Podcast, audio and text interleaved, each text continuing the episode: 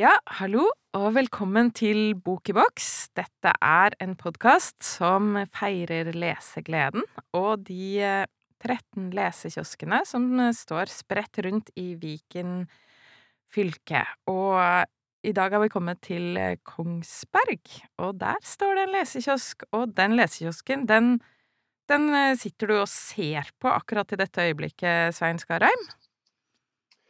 Det er helt riktig. Nå sykler det en fyr med en rar sykkeltilhenger rett forbi lesekiosken. Den sitter jeg og ser på.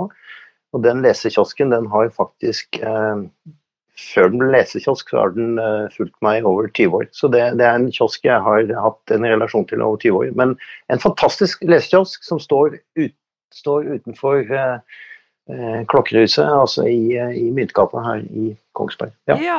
Men først må vi si litt om hvem du er, eh, Svein Skarheim. Fordi eh, du Ditt liv har vært knyttet til bøker.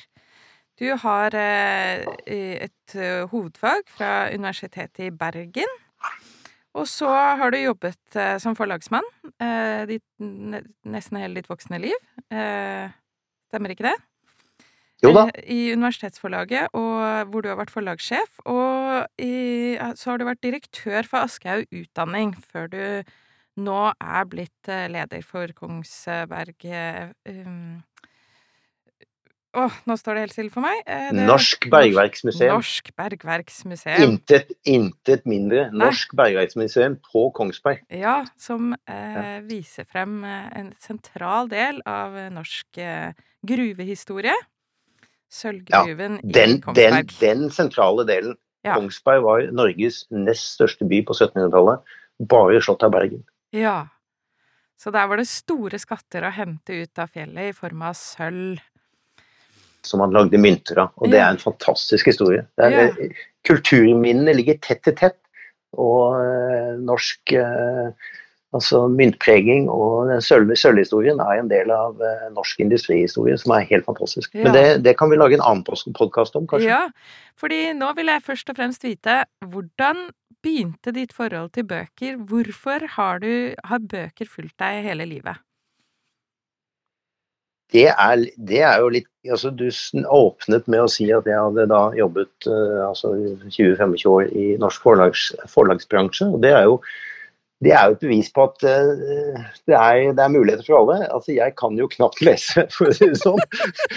Og det er jo Så det er jo jeg Det tviler jeg uh, lite grann på, kjenner jeg. ja, men jeg, men jeg er en av, en av, Skandinavias langsomste lesere, i hvert fall. Det er jeg ganske sikker på. Uh, men, men jeg, jeg, ble lest for som barn. Eh, spesielt min mor, men eh, pinadø. Jeg tror min far også leste for meg noen ganger, så jeg, jeg, ble lest for. Men så, på et eller annet tidspunkt så blir man jo ikke lest for lenger. Da forutsetter det at man skal lese selv, men det, det begynte ikke jeg med. Eh, så jeg, jeg leste eh, min første frivillige bok, altså skoleverket, tvinger en jo til å lese F.eks. Eh, Tarjei Vesaas på ungdomsskolen, når man ikke har mulighet til å skjønne Vesaas sitt univers, univers. Det er et spark til, eh, ja. til eh, læreplanene på, på 80-tallet, i hvert fall. Mm. Men i hvert fall eh, Jeg var 19 år. Første gang jeg leste en bok frivillig. Oi, gud, og, hvilken, og, og hvilken bok var det? Det var Milan Kundera. 'Tilværelsens utholdelige letthet'. Og hvorfor snudde alt da? Dette er jo så fantastisk. Da, da snudde alt for deg, da? Da ble du en leser? Ja. ja altså, jeg, jeg, jeg, eh, gjorde jo ikke som eh, Hjalmar, jeg slutta ikke skolen i fjerde, men jeg eh, slutta skolen etter eh, ungdomsskolen, og så begynte jeg å jobbe som elektriker. Og da jeg var 19 år, så gikk jeg elektrikerlæra. Og så ble jeg invitert av min fire år eldre bror til student i påske. Så det er snart jubileum, holdt jeg på å si. Ja.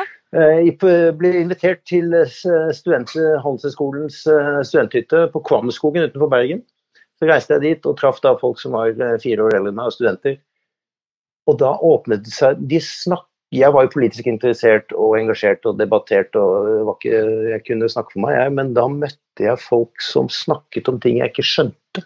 De hadde referanser de var jo selvsagt eh, sikkert klyste, promodne studenter som hadde tatt X-Fill og sånne ting, men i hvert fall eh, Da ble jeg sittende stum, jeg hadde ingenting å melde. Og en av de tingene som ble debattert mye, var jo da den just utkomne boken 'Tilværelsen 'Tilværelsen utholderlettet'. Mm -hmm. Og den, den, kom det, i 1984, da. Ja. ja. Så jeg reiste Dette var nok i 85, da. Altså, så, men jeg, det at jeg reiste tilbake igjen til eh, Oslo etter den ferien, så var hodet mitt uh, stappfullt. Og der og da bestemte jeg meg for at jeg kan ikke jeg skal ta fagbrev som elektriker, men jeg kan ikke være elektriker. Ja. Uh, så det, for meg var den påsken rimelig, rimelig eh, endrende. Og uh, det, gøye at, det, det gøye er jo at min bror, da, som inviterte meg til denne påsketuren, han benekter den historien. Han har ingen slik oppfatning. Og det er jo høyst relevant for den boken vi skal snakke om. Hans versjon av det som skjedde der, er helt annerledes. Og det syns jeg er gøy. Men i hvert fall, jeg reiste hjem. og Gikk i bokhandelen og kjøpte den gule pocketutgaven fra Aventura forlag, eh, 'Tilværelsens utholdelige letthet', og leste den. Og den syns jeg var eh, både vanskelig og lett å lese, og det, var, det satte ord på ting som jeg trodde jeg var aleine om. Mm.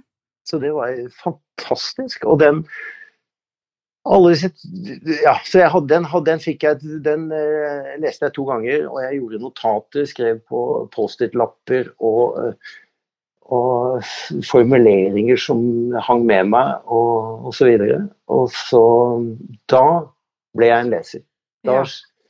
gikk jeg altså, Jeg kaster jo ikke bøker, jeg jobbet i forlag, det er kul i helvete. Det er helt umulig, mener jeg, å, å kaste bøker. Uh, Eh, så jeg tittet i bokhylla her, eh, en av bokhyllene er forleden dag, og jeg har jo de Jeg har jo eh,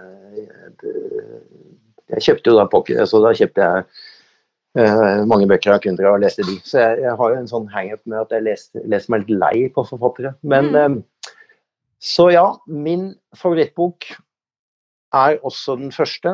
Og det, det er jo en en, en kjent poet som, uh, som, har sunget om uh, The first cut is the deepest. Ja. En, en litt annen sammenheng. Men for meg så var det den boken som har betydd mest for meg, mm. er den. For den, den, den, den, Da ble jeg en leser. Det det, ja. Sorry, jeg har snakket altfor lenge, men det var det du spurte om. Ja, jeg ble en leser. Ja, du ble en leser av den boka, som du skal sette igjen i lesekiosken i Kongsberg, slik at andre kan bli Eh, lesere, da. Definitivt. Ja. Og den boken jeg skal nå, etter at vi har snakket sammen, så skal jeg gå og sette boken inn i kiosken. og Det, det er, liksom, det er uh, eh, 49 meter fra der jeg sitter nå til den lesekiosken, så det, det, skal faktisk være overkommelig oppgave. Den, det, da setter jeg jo ikke Dette er ikke bare en imaginær hendelse, dette er en faktisk hendelse. Jeg kommer til å sette den i kiosken der. Ja.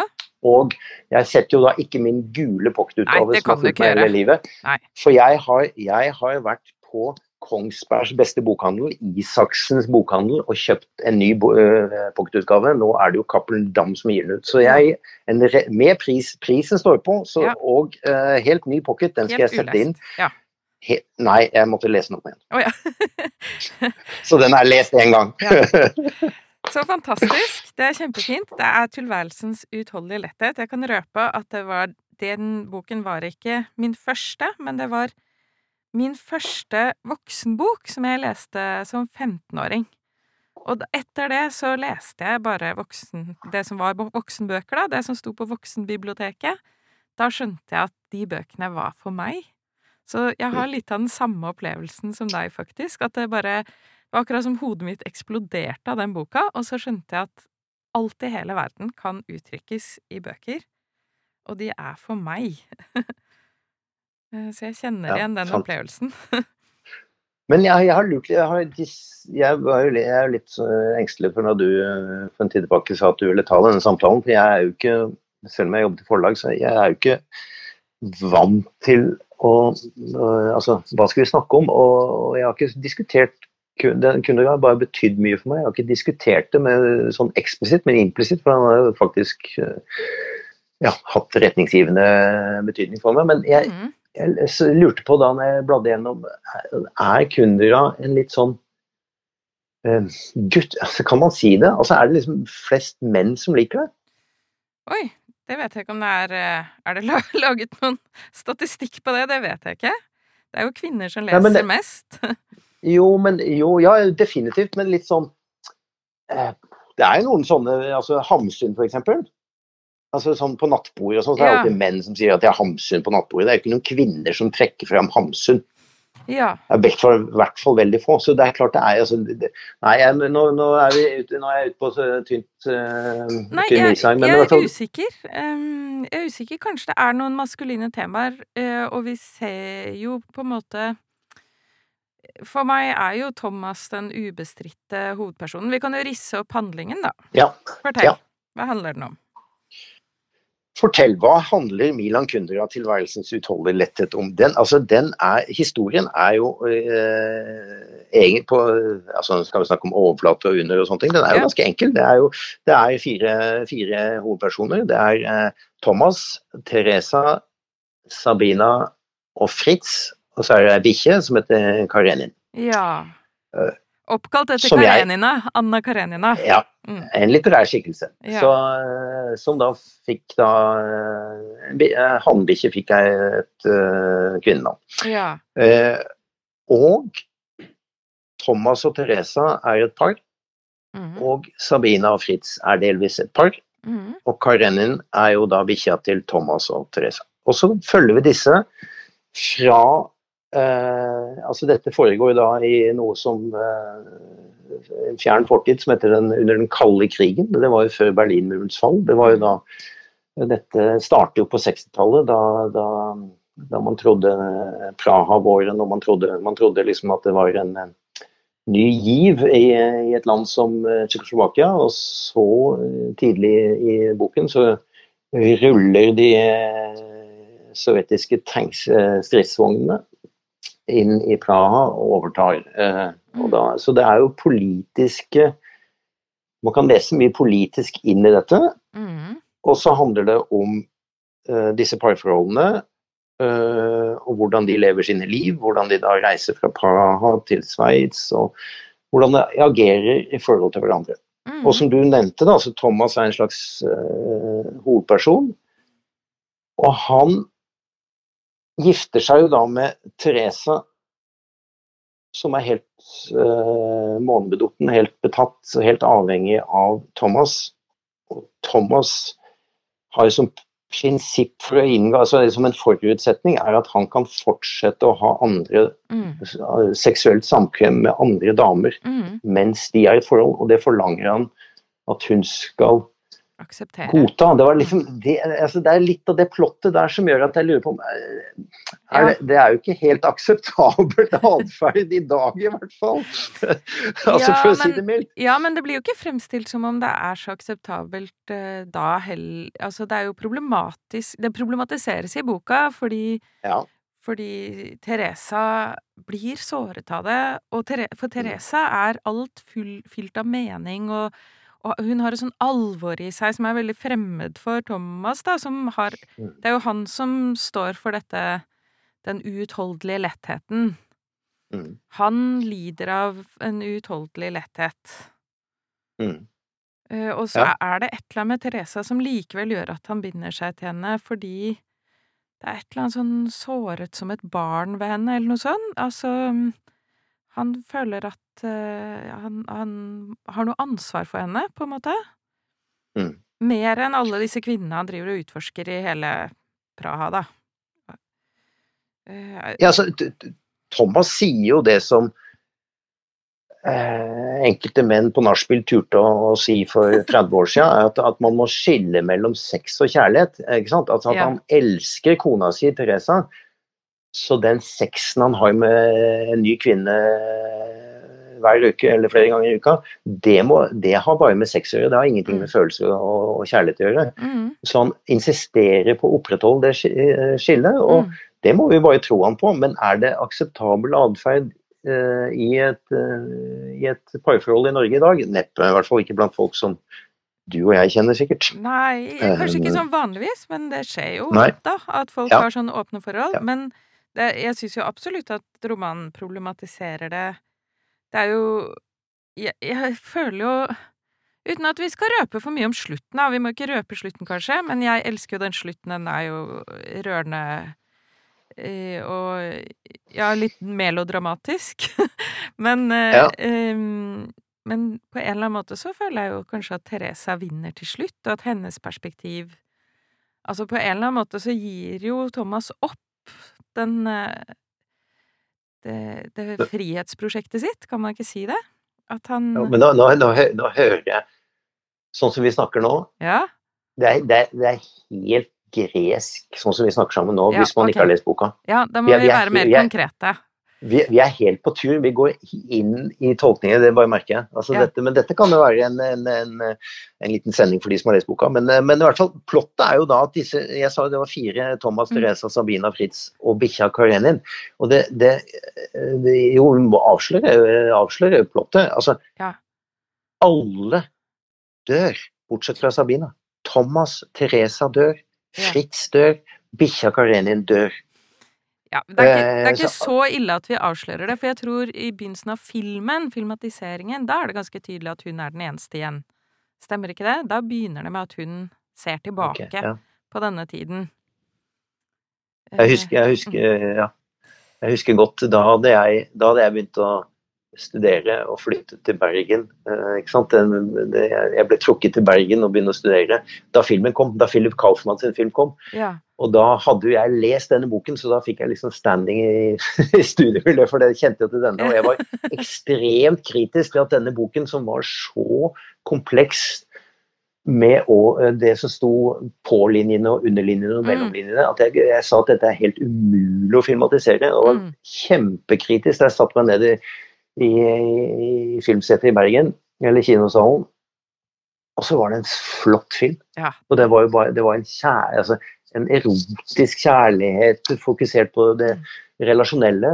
Og selvs, de hadde selvsagt eh, veldig lite av det som jeg leste inn i boken, av det Mm. filosofiske og det liksom veldig sånn tenke, tanke, tenke to, ikke tomme, men tunge. Og, og så en helt annen type film. Men det er en av de, jeg trekker det frem som det er faktisk en vellykket filmatisering, for de Mm. lot bare det som var helt umulig å filme, bare ligge. Ja, nettopp fordi det jeg tror jeg elsker mest med den boka, og som er litt eh, gjør at det blir vanskelig å diskutere boka òg, er alle de tankene, den, de refleksjonene som ligger i boka, da. Eh, ikke sant? Det er refleksjoner særlig kanskje om tyngde og letthet, og hva er kjærlighet, og alle disse liksom større tankene, det får jo ikke plass på et filmlerret, da, på den måten. Men det er kanskje det som er det mest fantastiske med boka, at den kjærlighetsfortellingen da mellom Thomas og Teresa er et påskudd til å reflektere over livet selv, da, og kjærligheten. Mm. Har jeg rett? Snakker jeg gresk nå, tror du? Nei, jeg syns, det, det var fint formulert. Ja. Altså, det er, og så er det jo nettopp det der at eh, det er mange sånne tråder som du kan nøste i. Og som jeg sa da, for meg, sånn som jeg leste boken den gang, og sånn som jeg leste nå, så var det øyeblikkelig gjenkjennelse, eh, altså gjenkjenning. Og jeg husket, til tross for at det var mange, mange år siden, så husket jeg eh, overraskende mye av det som kom, og setningene og formuleringene. Så de har liksom båret det med meg. Men eh, nå er jeg jo på et annet sted, så jeg legger jo ulikt i det enn en den gangen. For det, Ja. altså, det derre eh, Den sammenhengen, eller der man er selv, da, mentalt og, eh, og fysisk på, på alle mulige måter, så blir man jo en annen leser. Altså en bok er jo aldri den samme. Ja, Og, hvordan, litt, og det, hvordan var den annerledes nå, da? Kan du fortelle om det? Og hvorfor blir bøker så annerledes når man leser de seinere? Det står jo litt i boken òg, altså litt det der at du ikke kan eh, stige ned i samme elv to ganger. Altså det det er klart Hvis du leser en bok to ganger fort etter hverandre, så er det jo leseopplevelsen ulikt. Og hvis du leser den med eh, Svein Skarheim 19 år og Svein Skarheim 54 år, det er jo relativt mange opplevelser, eh, skuffelser og gleder og eh, livserfaringer som ligger imellom der. Så det er, det er et helt annet sett med briller og opplevelser, og mottakerapparatet mitt er jo helt annerledes i dag enn da jeg leste min første bok frivillig. Ja, Eh, Det er klart. Så, så, så, men i det, når jeg leste det nå, så er det jo så jeg, altså det er jo eh, Første gang så var det jo da mange av disse som du nevnte nå, mange av de problemstillingene. Det er jo liksom livet dreier seg om på en eller annen måte. Hvordan livet er mulig eller umulig. mm. Eh, og nå leste jeg jo litt sånn at, Ja, men dette går jo igjen. Ikke sant? Det er jo nettopp sånn eh, Det er ikke måte Python meaning of life, liksom, men det er jo nettopp Det dreier seg om at det er helt skvakk umulig å finne noe mening med livet. Men, men og enten du angriper livet med letthet, altså at du lar livet leke, liksom, sånn som Thomas gjør og Sabina i boken. eh, livet er lett. Uh, eller du eh, møter livet med, med, med tyngde og alvor og konsekvenstenkning og sånn, som Sabina gjør og, og Fritz gjør, delvis. Eller ja, han gjør det. Så er det jo For det første så er det liksom sånn, det er styrker og svakheter ved begge, begge levemåter. Men det jeg tenkte på nå, min erfaring er at du kan jo ikke velge. Mm. Altså, er født sånn eller blitt sånn. Altså, hvis du som tenksom altså Hvis du som Tussi i Ole Brumm, litt tenksom og litt, eh, litt, litt tvilsom til livet, så kan du ikke liksom over natta si i morgen, vet du, i morgen da skal jeg bli Ole. Brumm, da skal jeg bli, ja, det skal jeg bli tigergutt. Ja, nettopp tigergutt er mye bedre. I morgen skal jeg bli tigergutt. Det vil jo bli så falskt at du ikke Nettopp da blir jo det kitsch på en eller annen måte, da, som, det, som er så et tungt begrep inne her. ikke sant? Den falskheten. Ja. Og det, og det er jo nettopp litt sånn alvorstunge folk som noen av oss er, da. Mm. Eh, vi tør ikke å si det høyt, men vi, vi anklager de som er litt for glade for å være litt falske, kanskje. Men Ja. vi er jo ikke det, nødvendigvis. Nei, ikke sant. Det er to livsholdninger da, som ikke bringer deg noe nærmere Ja. eh, meningen med livet. det, er, Ja. det er ikke en snarvei. Så, så jeg tror litt av grunnen til at uh, kunder appellerte og appellerer sånn til meg, er jo nettopp at han Sånn som jeg leste ut nå, det er liksom det derre det der litt sånn glatte, motsetningsfrie eh, Det friksjonsfrie, det avskyr han. da. Altså han, han, han liker den friksjonen.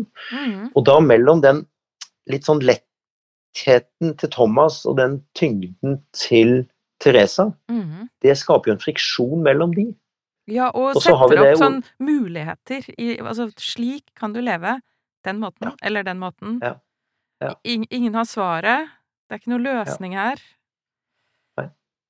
Og så finner vi igjen disse, ikke sant. Altså når jeg, når jeg, når jeg på, når jeg eh, sa det akkurat nå, så tenkte jeg så har vi fått det ordtaket at motsetninger trekker, tiltrekker hverandre. ikke sant? Mm.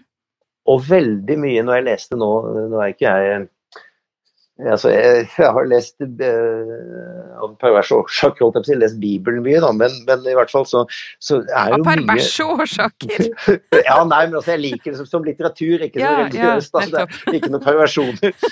Men ikke sant, det, det, altså Predikernes bok, da, som det heter i den bibelen jeg har nå, heter vel Forkynnerne, tenker jeg. Mm. Eh, og, og det er jo det derre at det er jag etter vind, og det er liksom Livet er meningsløst og trist. og altså det har, altså Enten du lever lett eller tungt, eller om du, du tar bekymringene slik eller slik, det, det har ingen mening. Mm. Og den ligger jo relativt lett i dagen også i Kundera, eller i tilværelse. At du, du er Det er kjørt, altså. På en eller annen måte, uansett. Ja. ja, det er jo en type nihilisme i boka. Jeg tror det var da jeg Ja. For første gang leste navnet Nietzsche i denne boka, Ja. og skjønte Ja. at det hadde noe med nihilisme å gjøre. Ja. Um, Kundra skriver i boka skissen som er vårt liv, er en skisse for ingenting, et omriss uten bilde. Det er jo Oi, ja. ganske nihilistisk, det, altså. Det, Ja. blir, det blir ikke en, en ferdig Det blir ikke en ferdig meningsfull fortelling til slutt. Det er helt tydelig. Det er ikke sånn at ting går opp. Og så er, men ikke sant, også, så det er et tegn som jeg tenker på Jeg, jeg, jeg liker jo altså det som, eh, som eh, på engelsk har vært omtalt som high culture og low culture, altså folkelig kultur. Altså jeg liker jo, og Du finner jo igjen mye av det filosofiske materialet som ligger i Kundera? Som, som, Nietzsche og sånne ting, det finner du jo igjen i populærkulturen. Altså, mm. uh, den evige gjenkomst, livet som sånn uh, at det, det, ja, det, Første setningen i boken er ganske heftig, da, men liksom, da refererer til Nietzsche og den evige gjenkomst. Det kan du inn i altså Groundhog Day, da. Mm. Den, den, filmen med yeah. Bill Murray eller hva det er. ikke sant? Yeah. Og det er, ikke sant? Der finner du igjen den. Og så har du jo et av mine, et av mine eh, et av mine livs eh, sånne soundtrack, da. Eh, selv om det er jazz som er liksom blitt min, min, greie, men et av soundtrackene i livet min, er jo da den, eh, den svenske livspoeten L. Ekdal. Mm kanskje vårt møte var forutsbestemt, eller et eller annet sånt når hun synger da. Altså, hvem vet den hitlåta ja. for 100 år siden. Ja. Eh, og den, det hun da som eh, ungpikeaktig, hun var ikke hun var tenåring da hun lagde og sang den sangen, det er jo det samme surrer rundt mye av de samme problemstillingene ja. eh, som letthet og tyngde, trofasthet, er livet forutbestemt, mm. eller vi, er det bare tilfeldigheter? Er det skjebne eller tilfeldigheter, ja. Mm. Nettopp.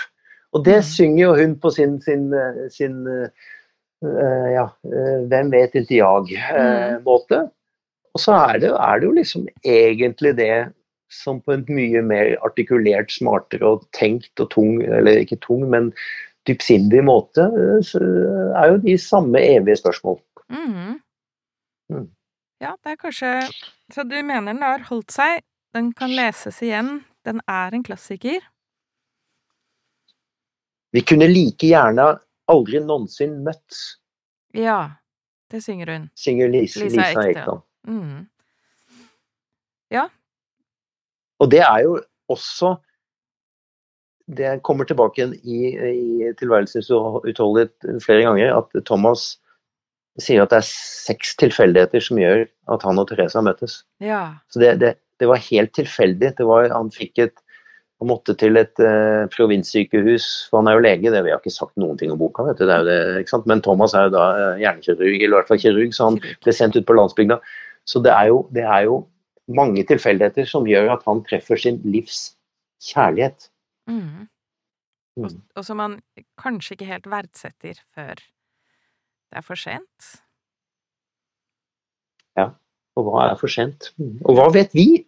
Ja. Hva vet vi? For det, det handler jo også litt om vanskeligheten av å kommunisere. Altså hva mm. er ærlighet, og sier du ting for å, å, å please den andre, eller sier du det som forventes av deg? Er du helt Selvfølgelig er vi jo ikke helt ærlige hele tiden. Samfunnet har mm. vært helt uh. Ja, det hadde ikke men gått. Hvor, nei, men og hvor går grensene, da? Mm. Mellom å være bare en, en, en fungerende person i, i, i, samfunnet og det å være en livs, uh, lystløgner. Mm. For du, du, vil jo ikke fungere i samfunnet hvis du ikke tilpasser ting. Mm. Det er sant. Absolutt. Jeg leser Lars eh, Svendsens bok om løgn, som er ja. helt ny, og det, det er jo et poeng, det. Du må lyve litt. Mm. Du må ikke lyve mm. veldig mye. Mm. Og da Det er jo noen gråsoner der. Eh, noen grenser du kan gå over. Mm.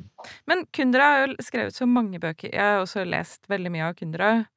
Han har jo så mange Han går jo inn i så morsomme temaer.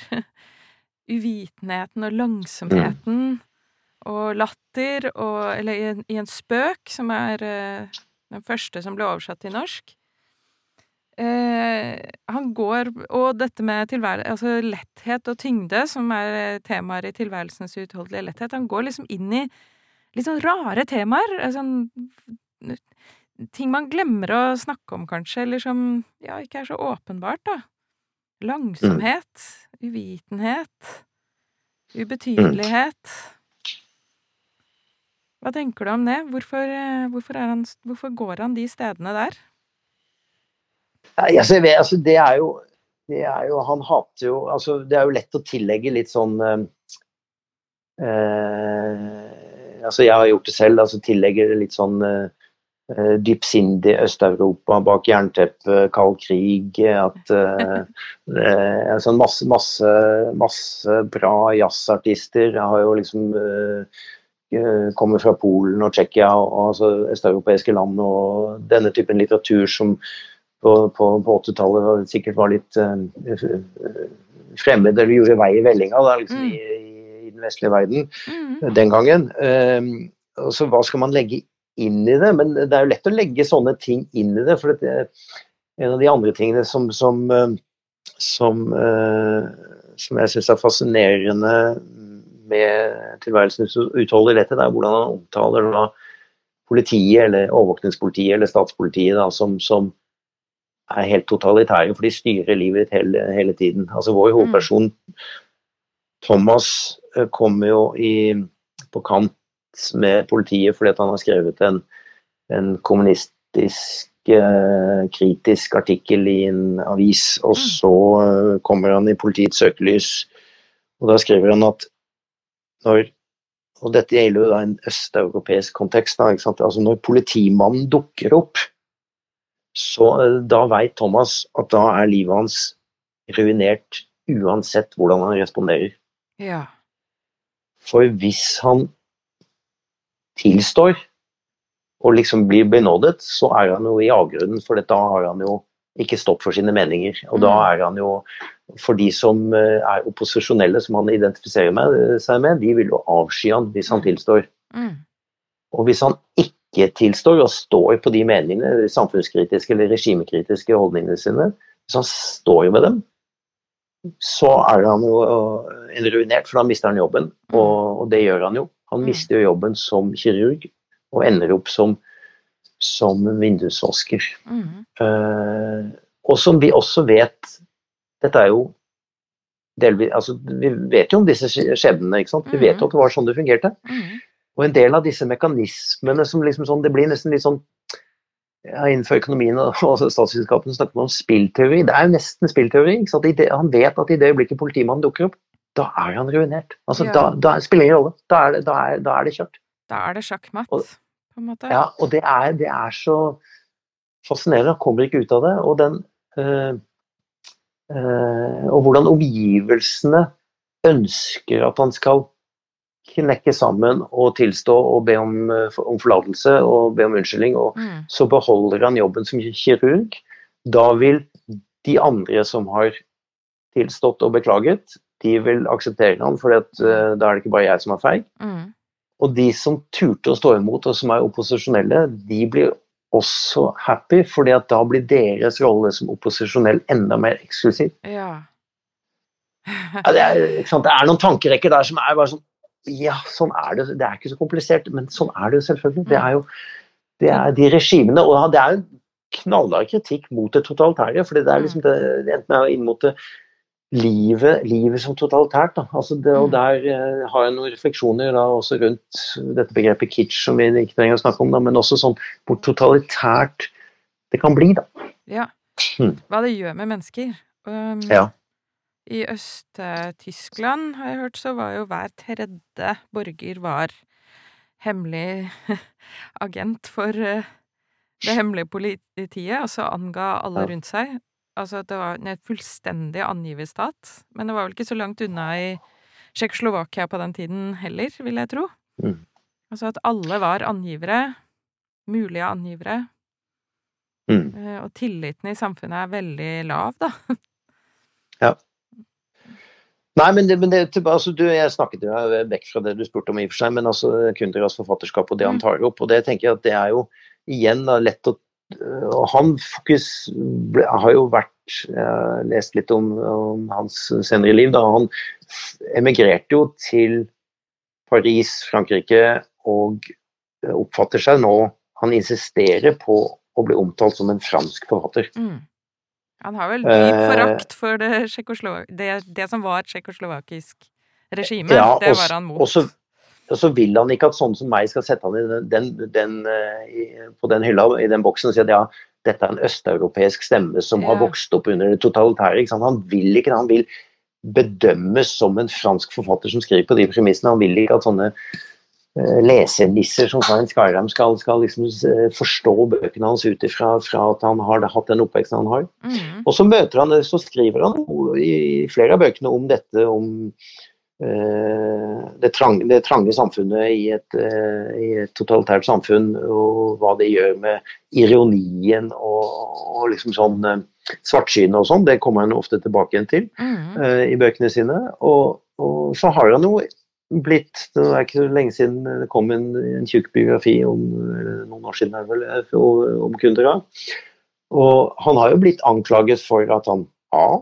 Han var en tyster selv, Mm. som, altså Milan.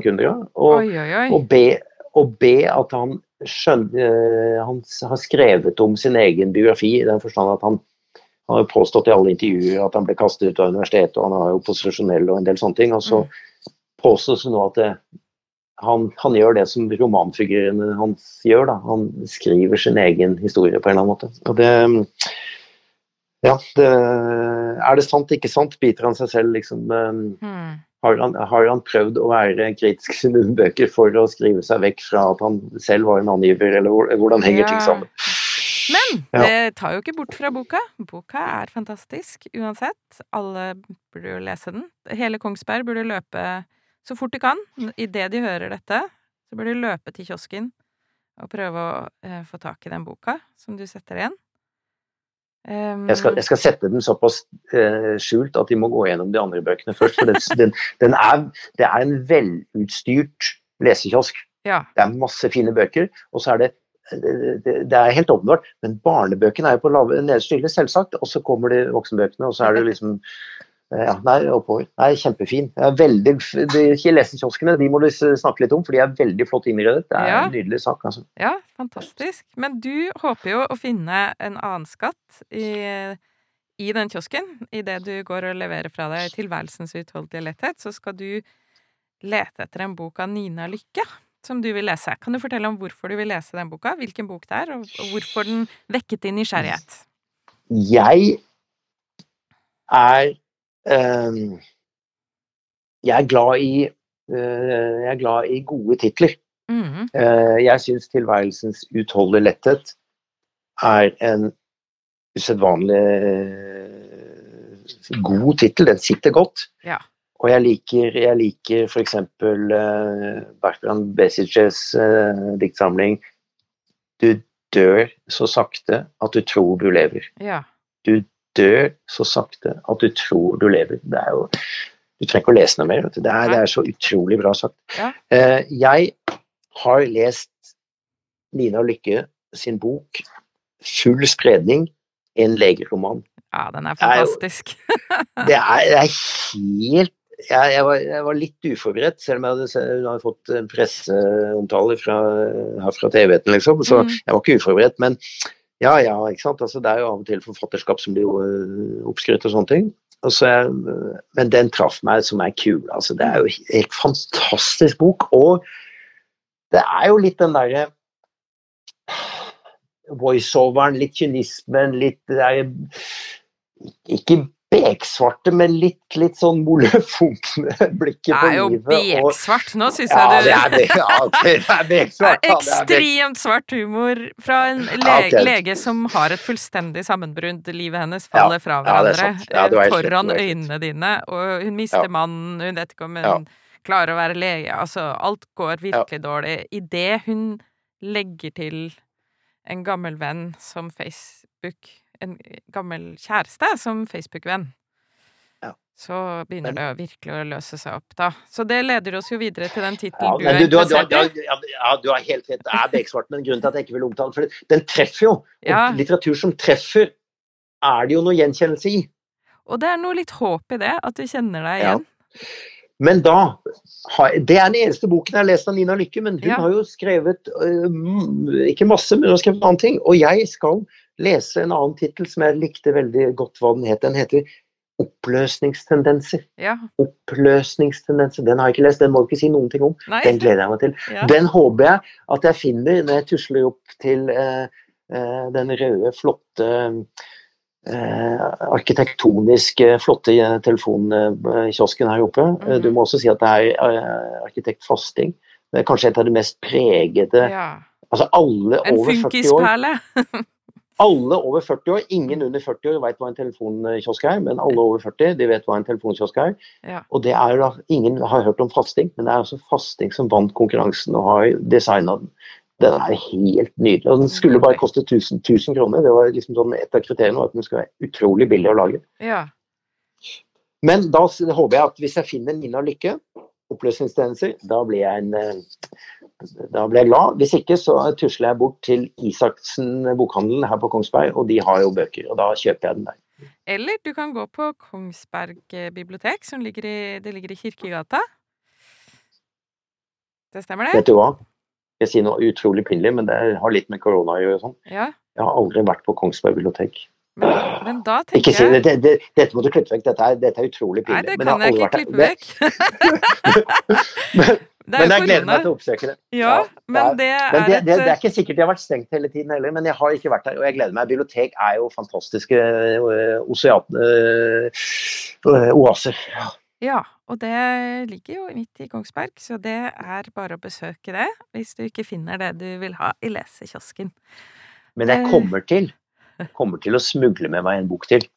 Og det Ja. er Helene, Helene Uri sin 'Hva er språk?' Den kommer jeg til å sette inn i kiosken ved siden av Kundera. Altså, Ja. Kundera er ikke sikkert er, Kundera er ikke sikkert det er liksom eh, monsterhit på Kongsberg, men den 'Hva er-serien' og 'Hva er språk?', som er 150 kloke, lettleste sider om ulike temaer. Ja. Helene Uri sin 'Hva er språk?' Alle er litt interessert i språk, alle bruker det litt. Og den er rett og slett en trampoline for tankene. Det er helt fantastisk lesning, så Ja. den gleder jeg meg til å sette inn. Ja, Men det, vi skulle ikke snakke om den, vi skulle snakke om tilværelsen utover rettet. Ja. ja, men nå er vi ved reisens slutt. Eh, Jeg håper du besøker lesekiosken på Kongsberg, eller Kongsberg bibliotek, og at du får med deg gode leseopplevelser og finner lesegleden. Takk for i dag.